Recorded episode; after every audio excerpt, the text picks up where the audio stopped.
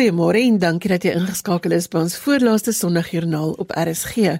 Ek hoop jy het rustig wakker geword saam met die oggendstemming wat ons bring by hierdie uur waar ons gesels oor geloofsake. Ek is Liselde Bruin en ek hoop om vanoggend interessante perspektiewe te kan gee op hoop en dankbaarheid en die verskil wat geloof in 'n gemeenskap maak. Vanoggend gesels ek met Dr. Bram Hannekom van die Sentrum vir Publieke Getuienis oor hulle gesprek oor hoe die toekoms lyk Jaco Brand van Rosenwil vertel hoe die Here hom gelei het om te werk met dit wat hy in sy hand het en Magiel van der Merwe deel met ons oor hoe hy gidshonde oplei. Nico de Klerk loer ook by die ateljee in om te vertel van die B in Nelson projek. Jy kan deelneem aan die gesprekke per SMS. Die nommer is 45889 en elke SMS kos R1.50. Jy kry ons op Facebook waar die inligting van ons programme gelaai is en dit is ook op RSG se webwerf by rsg.co.za. Ek trek my koffie nader, maar jy verkies dalk 'n peppermint tee of 'n suurlemoenwater, wat dit ook al is, trek nader en kuier rustig saam met ons. MUZIEK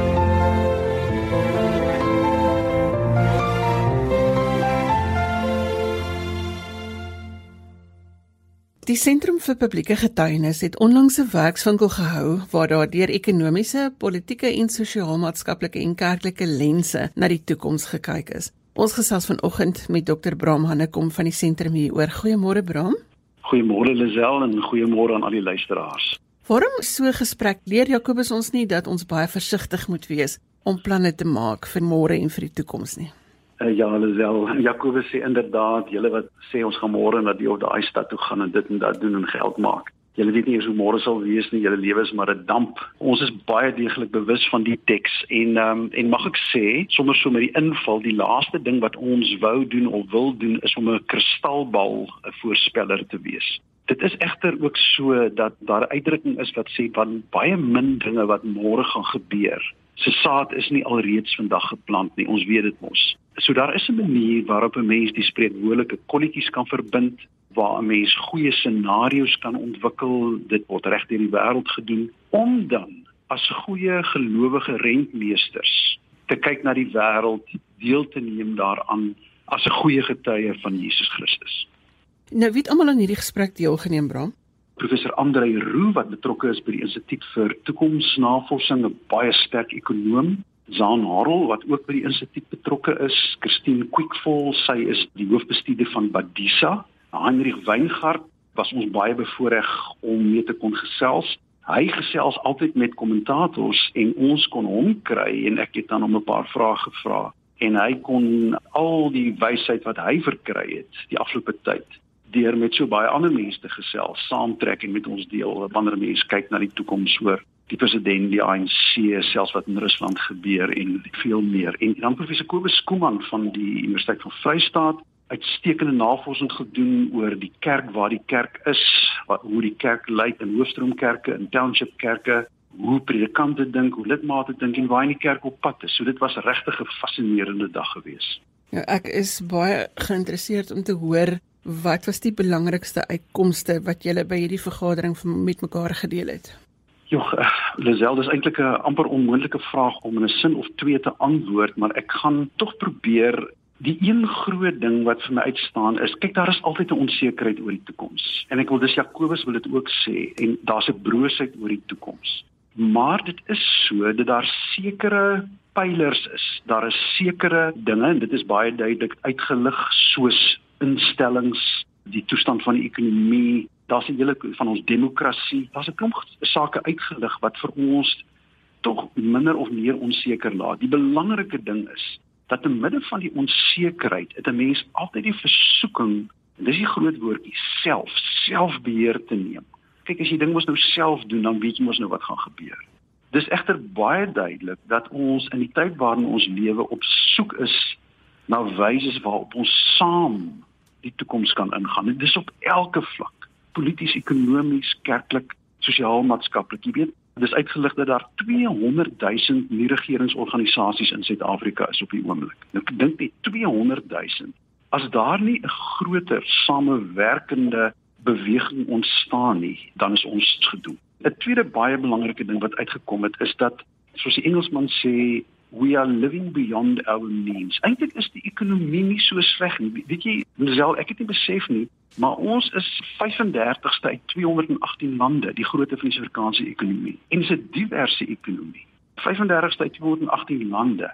Maar ons het te veel skuld, te hoë salarisse en die maatskaplike toelaas is onvolhoubaar. So, soos die Engelsman sê, we living beyond our means. En hoe gaan ons dit regkry? Om die toekoms na behoore in te gaan. Dit lyk vir, vir ons asof die belang van instellings en nou moet mense dink dalk nou dadelik aan die semi-staatsinstellings. Onthou die kerk is ook 'n instelling. Die kerk is 'n verskriklike belangrike stabiliserende instelling en ons het konkrete navorsing op op die tafel kry om te sien wat gebeur ook in die townships. Wat gebeur reg deur die land al dink mense die kerk is in die moeilikheid. Hoe gaan ons ons instellings, ons plaaslike regerings van die grond af kry? Hoe gaan ons die sosiale kohesie verhoog sodat ons saam kan hande vat in die toekoms ingaan? Hoe gaan ons as kerk ons profetiese taak uitoefen om vir die staat te sê maar 'n uh, goeie finansiële bestuur en relevantie is verskriklik belangrik. So as ek dit alles klaar gesê het, dan wil ek sê ja, daar's 'n hoopvolle prentjie en daar is harde werk. Maar ons is so dankbaar om te kan sien die goed wat ons in Lazel ons het dit al oor en oor hier gesê, sosiale kohesie, die plaaslike regerings, sosiaal-maatskaplike uitdagings. Dit is die goed waarmee ons hier by die sentrum besig is en dit is van die sleutels tot die toekoms. Mag ek net 'n laaste een sê? Dis 'n donker prentjie. Ons het skrikwekkende statistiek oor ons jong mense gekry. 56% wat in arm huishoudings woon. Ons het nie tyd om in al die statistieke in te gaan nie, net om te sê ons jeug is ons toekoms en as ons jeug nie 'n toekoms het nie, het ons nie 'n toekoms nie. En daarom kerke, nie regeringsorganisasies, elke moontlike instelling sal skouer aan die wiel moet sit en saam dink oor ons jong mense op elke dorp waar ek kom. En jy weet ek was nou al baie dorpe in Suid-Afrika oor die ding. Is heel bo aan die lys ons jong mense, ons jong mense, ons jong mense. Het jy hoop vir die toekoms of het jy hoop vir die toekoms nadat jy na al hierdie gesprekke geluister het, Bram? Beslis. Ek het altyd, jy weet, jy ken my, ek is dalk mense is dalk gesê ek is 'n ooroptimis, maar een van die dinge wat uitgekom het in die gesprek, Dan Harold het ons ook gehelp met toekomsgerigte denke en die tipe soos die Engelsman sê die mindset, die denkraamwerk waarna jy na die toekoms kyk. En nou moet jy onthou, ons wil dit nog deur 'n geloofsplan ook doen. Nou dan verander die prentjie radikaal. Daar's 'n groot verskil tussen of daar hoop is en of jy hoop verloor het. Ek gaan dit weer sê. Dis is een vraag om te sê is daar hoop of is daar nie hoop nie. En die ander vraag is het jy dalk hoop verloor? En om regtig met 'n nugtere perspektief 'n analitiese brein te kyk wat ons op die tafel het en dan hoe kan ons die kolletjies verbind? Hoe kan ons hande vat en strategies na die regte pad te beweeg. Daar's altyd hoop, maar ek wil weer die ding beklemtoon van saam. Mag ek 'n laaste ding in die verband sê? Jy weet daar's baie mense wat in hierdie dae nou weer sal sê, maar ja, maar waar was God toe Putin in Oekraïne ingeval het? Waar is God toe die Jode vermoor is in die Tweede Wêreld? Waar is God in Somalië? Jy ons ken hierdie ou, hierdie ou kritiek teen God. Ek raak al hoe meer oortuig dat ons godsbegrip deurslaggewend is. Met ander woorde, mense mag lewe met 'n tipe ek noem dit 'n kitsmentaliteit, verbruikersmentaliteit, godsbegrip. Met ander woorde, as God nie nou binne 2 weke vinnig soos ons gewoond is in ons lewe dinge oplos en perfek oplos nie, dan bestaan God nie. Dis nie 'n godsbegrip wat ons in lydenstyd leer ken nie, oor al die eeue heen leer ken dit nie, in die psalms leer ken dit nie, reg deur die Bybel leer ken dit nie, deur die Babiloniese ballingskap leer ken dit nie, 'n tipe kitsgod wat alles nou vinnig moet regmaak soos wat ek dit wil hê. Dis jou godsbegrip. En wanneer ons na die toekoms in Suid-Afrika kyk, dan moet ons ook iets daarvan verstaan. God is hier betrokke, Lisel. God is elke dag betrokke, maar nie op altyd op die kitsmentaliteit manier soos ons dit wil hê nie. En dit is tyd om vir ons om te gaan kyk na die patrone. Daar's 'n uitdrukking wat sê leaders define reality. Ons kyk na die goed en ag, ek wens ek het tyd gehad. Dit is sulke fantastiese goed wat ons oor die ekonomie op die tafel gekry het, eerlike vrae en oor elkeen van hierdie fasette waar ons gepraat het. Maar wanneer ons dit gaan definieer, die kolletjies verbind en dan met onwrikbare geloof in 'n God wat ons hand wil neem en saam met ons in die toekoms ingaan, die pad wil stap. Christus is alreeds in die môre, is alreeds in die toekoms en hy nooi ons daarheen uit. en ek is ongelooflik opgewonde nie net na die konferensie nie, maar ook dat ons dit vanuit 'n geloofsperspektief kon doen en soos ek gesê het, wetenskaplik rasioneel kyk na die syfers op die tafel, maar ook vanuit 'n geloofsperspektief. Die twee bymekaar bring en dan met hoop uh, die toekoms ingaan. Ons gesels graag met jou op 'n volgende keer weer oor dalk die ekonomiese dinge waaroor jy gesels het. Ek het gesels met Dr. Bram Hanekom van die Sentrum vir Publieke Getuienis. Dankie Bram vir jou tyd vanoggend. Dankie Lisel, dit was 'n absolute voorreg om met julle te gesels en sterkte vir julle met julle wonderlike werk. Jy is ingeskakel op RSG en die program is Sondagjoernaal. Ons bring stories met inspirasie, geloof, dankbaarheid en hoop. So ek hoop ons stories kan by jou 'n verskil maak vanoggend. Neil Roo is agter die kontroles.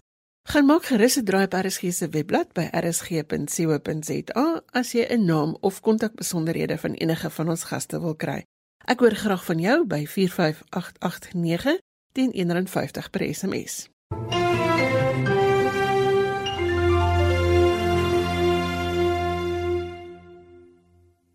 Michiel van der Merwe is een van daardie mense wat 'n hele rits titels en 'n hele rits avonture agter sy naam het, alles met die doel om gesonde op te lei. Ons gesels vanoggend oor geloofservarings met Michiel. Goeiemôre. Goeiemôre, baie dankie vir die saamgesels. Michiel, ons het almal berge wat ons elke dag moet uitklim. Jy moes al meer as een berg in jou lewe klim. Weet jy net al, ek dink daar's twee stelle van berge. Ek dink berge bedoel ek baie keer dis net maar uitdagings wat ons elke dag het. So ek glo elkeen van ons kan praat van uitdagings, moeilike situasies wat ons al gehad het. Maar in my geval, ek het nou fisies dan nou ook al berge geklim. Ek het een keer Everest tot by basiskamp geklim, Kilimanjaro twee keer en dan ook ehm um, Berg Kenia, die tweede hoogste berg in Afrika en dit het ek alles gedoen ten bate van die opleiding van gidsonde. Jy moes as 'n jong predikant terwyl ons eie grensoorlog aan die gang was, mense help om weer die lewe in die oë te kyk. Hoe het daai dinge jou geloof beïnvloed? Weet jy dit enigiets wat in 'n mens op 'n mens se lewenspad kom, speel 'n invloed op jou lewe, het 'n invloed, dit glo ek so. Ek dink as ek vinnig een situasie kan noem, 'n persoon wat baie ernstig beenbeserings opgedoen het, so erg dat hulle moes aan met die twee bene gedeeltes wat oorgebly het, is letterlik een been gebou. Nou die persoon se ouers kom ver van die platteland af en hy was maande lank in die hospitaal en sy ouers het eendag kom kuier, die pa kon dit nie aanskou sy seun lyk nie. En vir die seun was daar een droom om die dag as hy uitgaan vir sy pa te kan wys hy kan loop.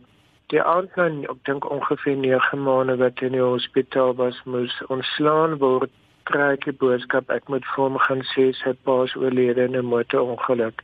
Nou, seker goed raak 'n mens dan besef 'n mens maar net hoe skielik letterlik in 'n oomblik in 'n mens se lewe verander En vir my en my geloof het dit net vir my geleer. Ek het vandag, ek wil amper sê ek het nou, ek weet nie hoe my net nou in my volgende keer lyk nie. En so ek die berge wat ek geklim het, daar was soveel uitdagings wat ek moes oorkom. Wat ek mis net besef, ek het nou 'n geleentheid, ons weet nie altyd hoe kom en wat nie. En my hele ingesteldheid is gaan voluit vir elke oomblik wat hy het ek dink soos wat ons sê elke mens het 24 ure in jou dag maar op die einde van die dag dit hang af van jou prioriteite wat jy in jou 24 uur gaan inpas en vir my gaan dit kom ek kyk wat ek kan doen kom ek glo dat God ook met my wil praat met dit wat in my lewe gebeur wat ek ervaar en dit is daardeur hom kan dien in eer En baie van die dinge wat jy doen, doen jy ten bate van die opleiding van gidsonde. Vertel vir ons van jou opleiding van gidsonde. Ja, dit het eintlik maar weer my vrou gekom eksport wat nou eintlik in 'n rehabilitasiesentrum vir substansieafhanklikes werk. Eksport om te sê ek is eintlik maar so 'n bietjie afhanklik aan honde. Dis al vir 10 jaar wat ek betrokke is by die opleiding van honde. Ek het formeel het ek opleiding om 'n honde-instrukteur te kan wees, honde te kan oplei ook om te kan hondeterapie te doen, my groot belangstelling. Ek is ook daarvoor opgelei in een van my honde.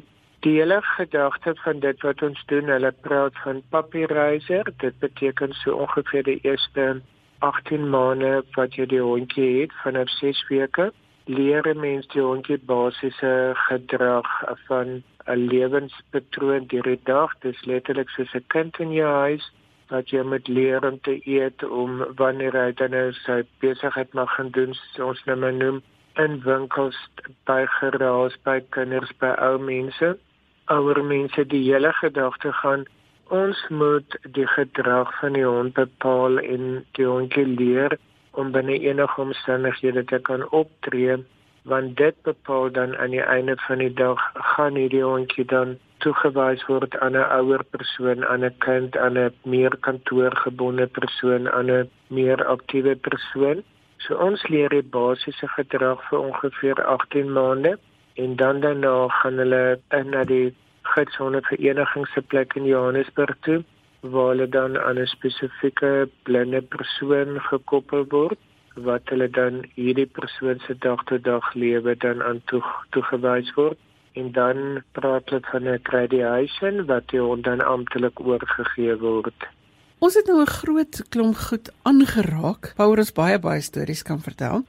Wat ek vir jou wil vra is waarvoor is jy dankbaar in die lewe gegeewe? Jy klim berg maar ook die lewensberg. Daar's 'n storie van kanker. Al hierdie goed wat met mens gebeur, waarvoor is jy die meeste dankbaar in jou lewe? As 'n mens nou so, ek kan nou amper sê ek raak aan die ouer kant, ek is nou amptelike senior ook al. 'n Mens is regtig dankbaar vir geleenthede wat jy gehad het en wat jy kon doen. Maar as ek twee groot dinge moet uitsonder, dan kom ons begin by die honde.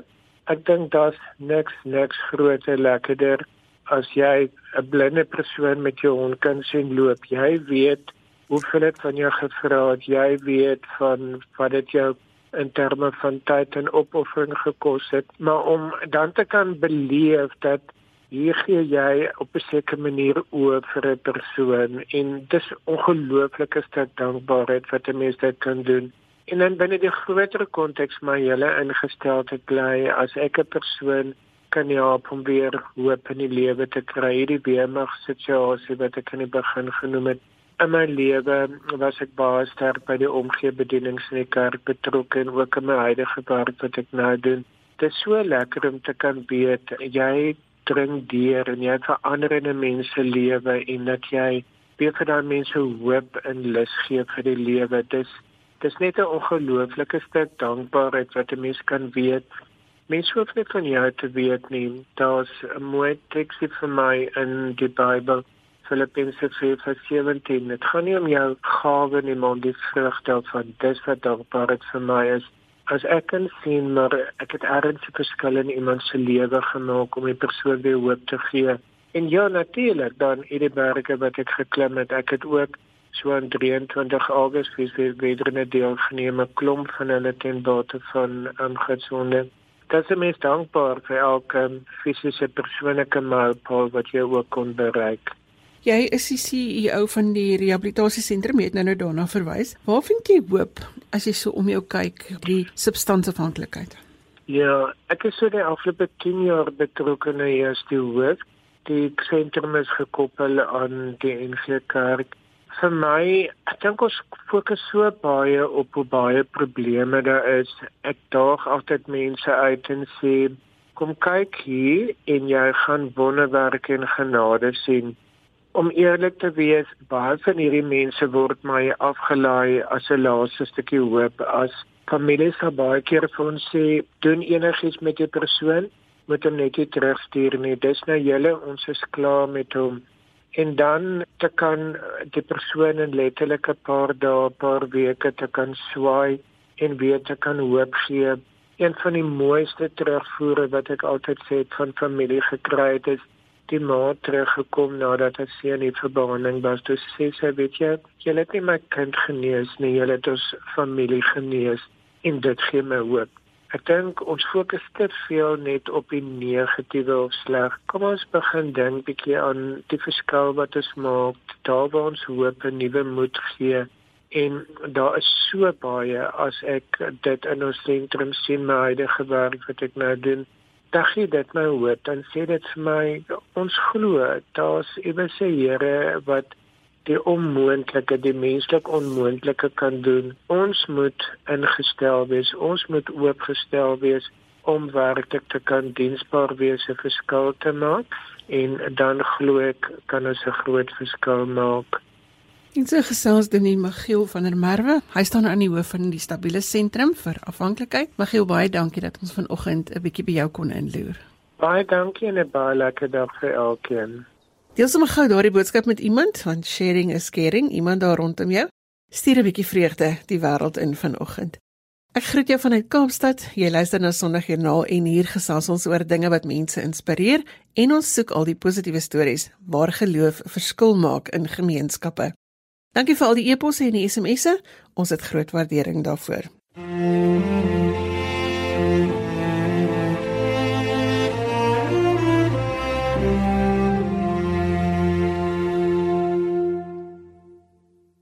Nico de Klerk doen interessante werk wat fokus op hoop en dit is waaroor ons hier in Sondagjoernaal gesels. Hy sluit by my aan in die ateljee om te gesels oor die B in Nelson projek. Goeiemôre Nico.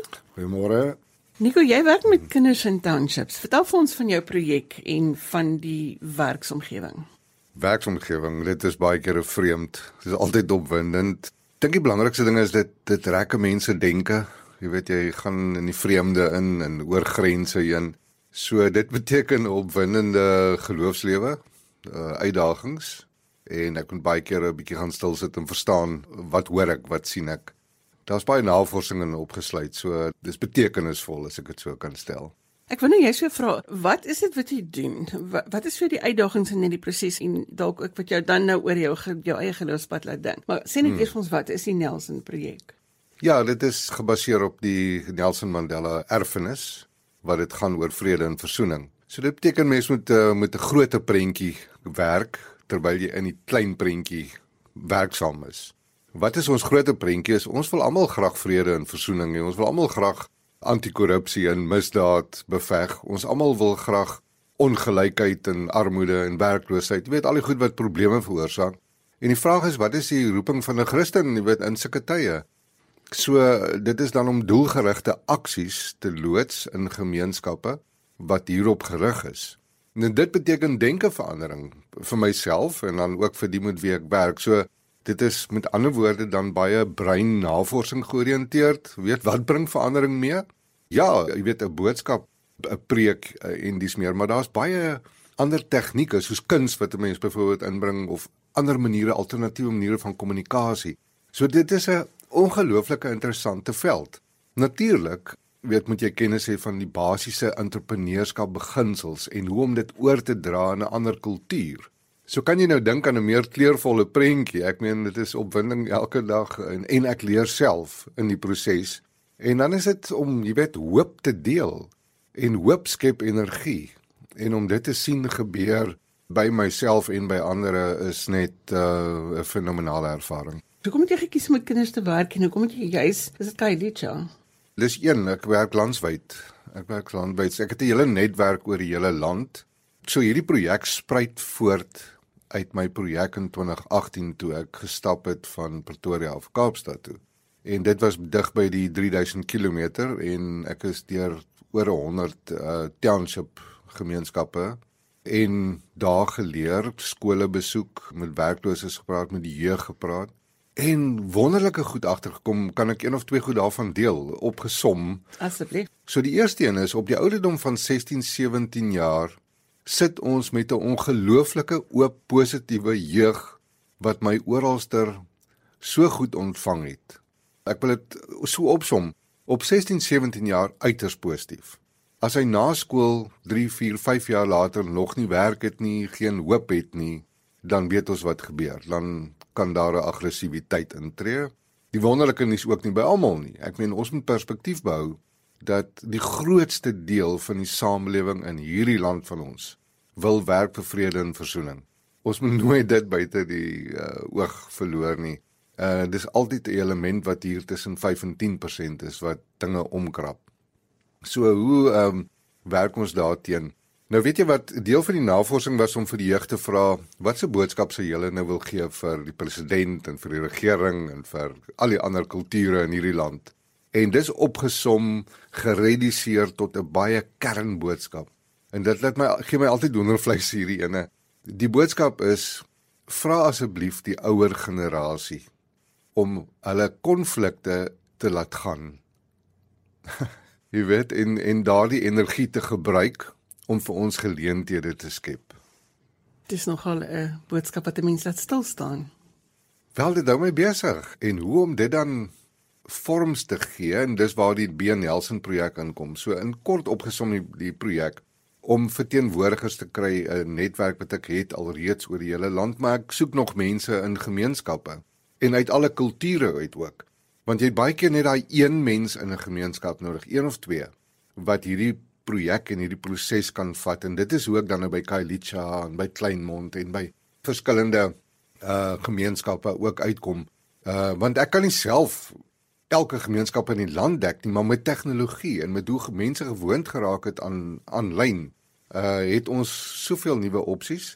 So dit het ook nou gelei tot 'n kursus wat ek aanbied by van uh Huguenot College of by Wellington, maar ek bied al my kursusse aanlyn aan.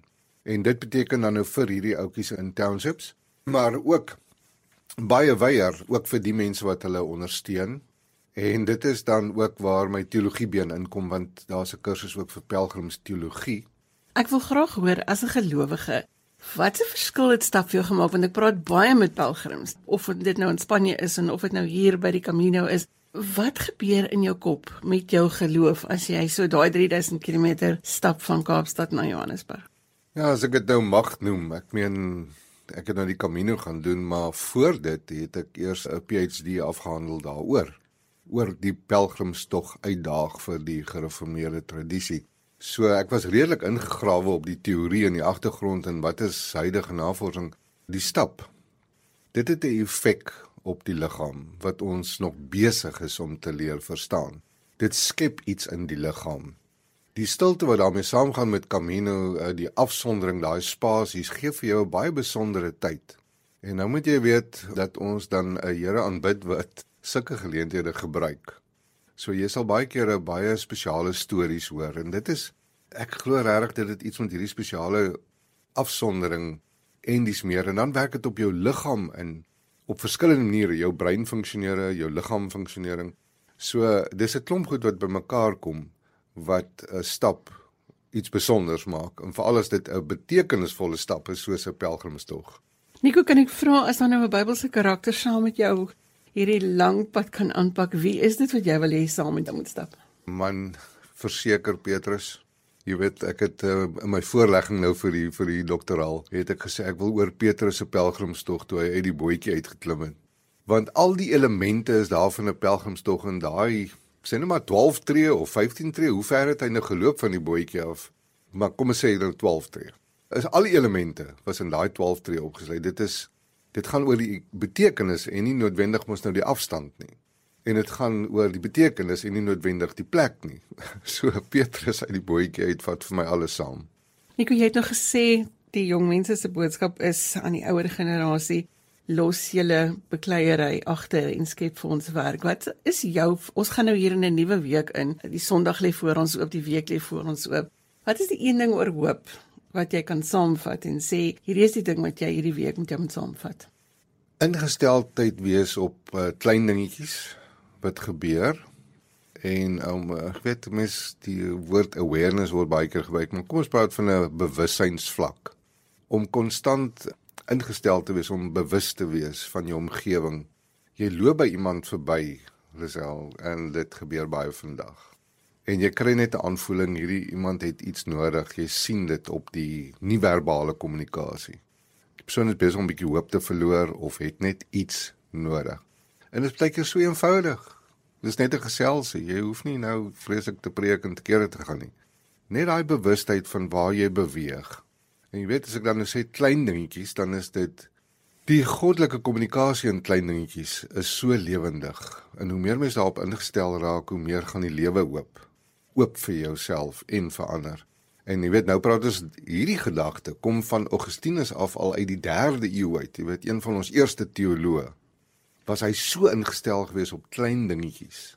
En dan kon hy 'n hele verhaal maak oor 'n klein dingetjie. Ek moet nog so. vir jou vra net voordat ons afsluit. Wat is jou gedagtes oor dankbaarheid? Dankbaarheid is vir my 'n reis op sy eie. Verseker. Uh weet jy 'n woord.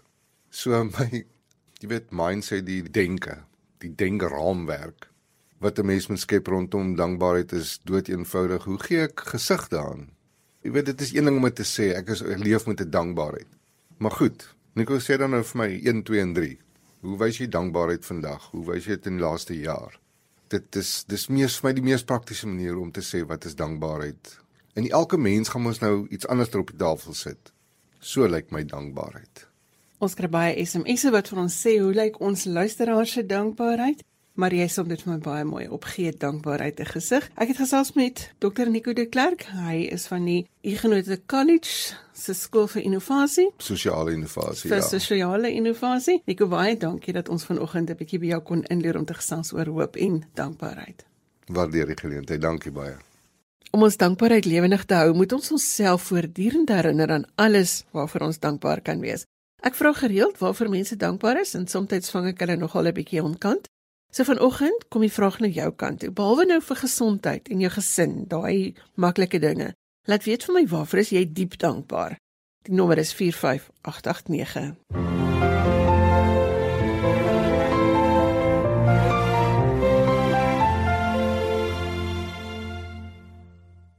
Jaco Brand is 'n landskapargitek van Rossenwil wat jou leer pasta maak en 'n baie klein organiese tuinbedryf waaruit jy jou slaai vars kan pluk. Ons gesels vanoggend met hom oor hoe om na die eerste tree te gee wanneer jy nie eintlik weet watter kant in die goeiemôre Jaco. Goeiemôre, gaan dit goed gesel? Dit gaan met my baie goed, dankie.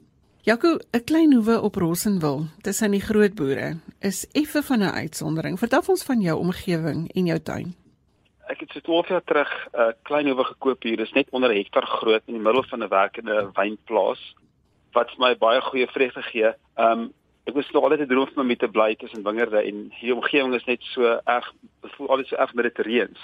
Ek is nie 'n boer self nie. Ek het 'n permakultuur groentetuin en ek doen kookkursusse en ook trou vinio en ook um ander funksies wat ons doen en ek probeer my altyd my kos self kweek. Dit is 'n hele ander storie met die permakultuur afdeling. So dis wonderlik om hier te bly, goeie omgewing, goeie bure, na in die grond, heerlike omgewing om te bly. Jy het 'n storie van hoop en dankbaarheid wat vir my uitstaan, omdat so baie mense na COVID presies is waar jy lank gelede was voordat jy nou op hierdie stukkie grond jou ding kom doen het. Waar het jou pad met doen wat jou hand vind om te doen begin? Dis al ek was 'n lands, landskaptegnoloog in, in in die Kaap vir lank 12 jaar my besigheid daar gehad en ek het baie goed gedoen toe en landscaping in 2008 met die resessie het dit bietjie gevou want dit is die laaste ding wat mense gedoen het toe was om geld te spandeer op tuine. My ouers het daai tyd Rossewil toe getrek en ek het baie naweek hier kom kuier in die omgewing. Ek was altyd mal in die omgewing en ek het toe die kleiner gekoop saam met 'n vernoot daai tyd en die idee was toe maar net om plante hier te kweek vir die landscaping behoeftes want ons het baie goeie water hier gehad en my pa het dit vir my gedoen vir my op doen hier op die plaas op die klein hoewe. En in 2008 kom die resessie en na dieselfde tyd toe het ons nou 'n klomp plante wat ons kan gebruik vir die landscaping en daar's toe die werk nie.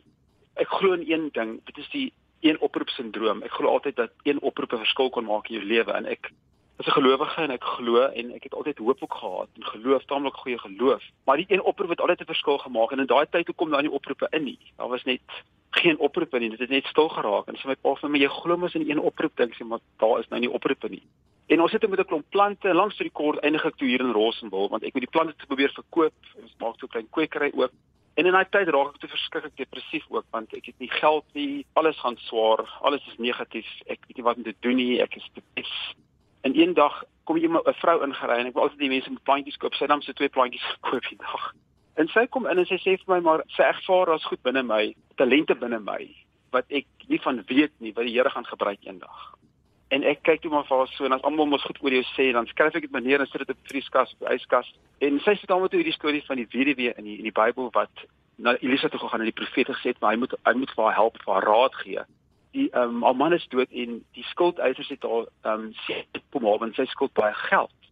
En toe sê die profeet vir haar maar wat het jy in jou huis? Toe sê sy sit een kan olie. Toe sê vir haar stuur jou seuns uit na die bure toe en kollekteer kry klomp leë kanne alle kanne wat jy kan kry bring dit in die huis en maak die deure toe agter jou wat die verlede is en maak die kanne vol en dan gebeur toe 'n wonderwerk en die kanne was ook toe net ek het vanoggend weer daarna gelees die kanne was net genoeg vir die olie wat sy gehad het. Dit is natuurlik vermenigvuldig. Toe die laaste kan op is, dis sy met die olie ook nou op. En toe sê hy verkoop die olie en betaal jou skuld af.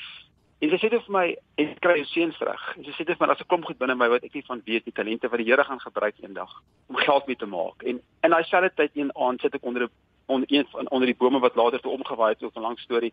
Ek is toe voel ek gaan letterlik in die dal van doodskade weer ingaan. Daai dag wat jy voel jy's nou depres. En 'n klein stemmetjie kom hier agter na my en hy sê vir my: "Bakke brood heeldag, bakke brood." Na 3 ure bak ek brood. Volgende oggend weer 'n brood. En die oomblik toe ek begin brood bak, toe kom ek agter die proses, ek is mal oor kos maak en elke keer as ek bietjie afgespan bak ek 'n brood. En dit het toe gelei dat ek begin roosterkoeke maak het, klomp funksies begin doen het en veel het aan boord gekom by my en ons het vetkoeke gemaak met mins en ons het markte gedoen en ek het ook begin foto's neem. Dit was 'n trip na Italië toe later en ek het foto's geneem ook en toe kom ek agter maar ek het 'n talent met fotografie en ons het die goed begin raam en baie markte gedoen en verkoop en een van die vrouens wat eendag 'n klomp goed in my koop na 2 jaar nadat die wat die vrou my gesê het van die weduwee storie toe sy die geld my hand toe onthou wat wat sy het my gesê 2 jaar terug van wat het jy in jou huis en ek het toe letterlik uit talente uit van goed wat ek nie geweet het het ek toe begin geld maak uit dit uit. En die eintlik hier sit ek nou 10 jaar later met um gastehuis met kookkursusse en goed wat ek nooit sou gedoen het nie. Maar dis my talente wat ek gehad het en ek het dit ontdek. En as ek nie hier geëindig nie as ek nie deur hierdie moeilike tye gegaan het nie het ek nooit dit gedoen wat ek nou gedoen het nie. Want as jy onderdruk is kom die goeie goed altyd uit. Ja. So ek hoop dit beantwoord jou vraag om met ander oë na die lewe te kyk en om met ander oë te, te kyk na dit wat jy in jou hand het. Ek dink dit is die belangrike boodskap wat iemand vanoggend moet hoor. Daar is iets in jou huis waarmee jy jou lewe kan verander. Waarvoor is jy dankbaar in die lewe Jaco ek is baie dankbaar dat ek effektief kan wees in dit wat ek doen. So baie mense weet ek het gaan studeer goed en doen goed wat wat nie eintlik behoort is om te doen nie en om om uit te vind wat is jou eintlike passie in die lewe en wat die woord passie kan baie keer ook so net 'n woord is wat almal gebruik jou passie jou passie maar om werklik waar effektief te wees in wat ek doen. En as ek nie deur hierdie goed gegaan het nie sou ek nooit by dit uitgekom het wat ek van hou om te doen nie want jy dink altyd jy kan dit doen nie want daar's nie geld in dit nie. Maar as jy ontdek wat die Here vir jou gegee het as talente en wat binne jou is, wat in jou huis is, gaan daar baie nuwe goed uitkom en dan is, as jy iets doen wat jy van hou om te doen, gaan jy mos daai ding goed doen. Dan gaan jy goeie kos maak, jy gaan goed na jou plante kyk, jy gaan goed na jou gaste kyk. Jy is dis jou passie, dis waarvan jy hou en ek dink ek is baie dankbaar daaroor om aan die einde van die dag te kan doen wat ek wil doen. En dis eintlik baie snaaks vir die Here die humor sin ook. Is eintlik goed want ek het nou ook weer begin met ek het bietjie seer gekry ook met landscaping toe want dis mos nou 'n proses wat jy nie wil weer gaan nie as jy nou seer gekry het met iets en toe ek begin met eetbare tuine, die Engelse woord edible gardening en ek het 'n groot ontwikkeling in Windhoek gedoen wat met 90% edible tuine is. So toe gebruik ek nou weer die landskap goed kom toe weer terug, maar nou probeer ek mense motiveer om kos te plant. So die landskap goed het weer teruggekom en nou probeer ek dit op 'n ander manier gebruik. Ja, so dis altyd 'n goeie sin vir humor in 'n storie. Ja, kos het almal inspirasie nodig vir die dag wat voor lê. Miskien moet ek en jy vanoggend iemand motiveer om uit die bed uit te klim en om die lewe aan te pak. Wat is jou boodskap van hoop in 'n netedop? Ek dink die eerste ding wat ek sou sê is om um, te besef dat besef waar die hulp vandaan kom. My geval is was dit die Here. As die Here was nie, het ek se gelowigheid ek nooit dit gemaak nie en dan om ook hoop te hê. Dit is moeilik om hoop te kweek of om geloof te kweek, maar as jy nie hoop het nie, gaan jy nêrens kom nie. So probeer altyd vashang aan iets, al is dit iets kleins. Hoop, daar's ergens hoop vir almal. Hoop, hoop, hoop. En ook om jouself te vergewe soms. Want ons is baie keer sterk erg op onsself. Ons vergewe baie keer ander mense wat goed in ons gedoen het, maar om jouself te vergewe en te besef dis nou waar jy is en jy is nou in 'n dal van doodskade weer en jy is nou in hierdie ding en dan om te besef maar jy moet nou aangaan. Jy's jy's alright, jy's fine. En ek dink ook om mense waardigheid nie te verloor nie, want baie keer vir mense ook jy is nog menswaardig, maar het jy nie baie keer geld nie of kan jy nog altyd goed lyk en goed aantrek en vriendelik wees met mense, bedagsaam wees. En ek dink ook altyd vind dan ook iets filosofies vir my as ek die dag bietjie af is of depressief lyk, dan is dit my bakke brood en om iets te doen wat jy wat kreatief is en as jy daar ek begin knie of goeders doen met pasta of met meel werk dan voel ek beter. So ek sê vir die mense altyd probeer iets doen wat jy weet baie keer is jy lus vir daai ding. Jy gaan hardloop een van stappe end, maar probeer iets doen wat vir jou gelukkig maak. En dan ook dit is maar so kos ook. Goeie kos, slow food, dit kom met tyd om geduldig te wees. As jy iets doen, weet dit gaan nie net oornag gebeur nie. Doen wat Johan vind om te doen en moenie dink dit gaan kits wees nie. Dinge vat tyd. Baie dankie Jaco vir die saamgesels vanoggend. Groot plesier, dit was lekker. Dankie self. Dis tyd om te groet en ek sê dankie vir my gaste Dr. Bram Hannekom van die Sentrum vir Publieke Getuienis, Jaco Brandt van Rossenwil, Magiel van der Merwe van Gauteng en Nico de Klerk van Wellington. Dankie dat jy ingeskakel was. Gaan kry asseblief die pot gooi op RSG se webwerf. Môre sal dit gelaai wees. Die adres is rsg.co.za. Deel dit ver en wyd. Jy kan vir my e-pos stuur by Lazel by www.media.co.za. Ek hoor graag van mense en dinge in jou omgewing waar geloof 'n verskil maak. Tot volgende week groet ek en die herinnering dat jy in beheer moet wees van jou gedagtes, want dit bepaal hoe jou dag gaan lyk. Tot volgende Sondag van my en Neil. Totsiens.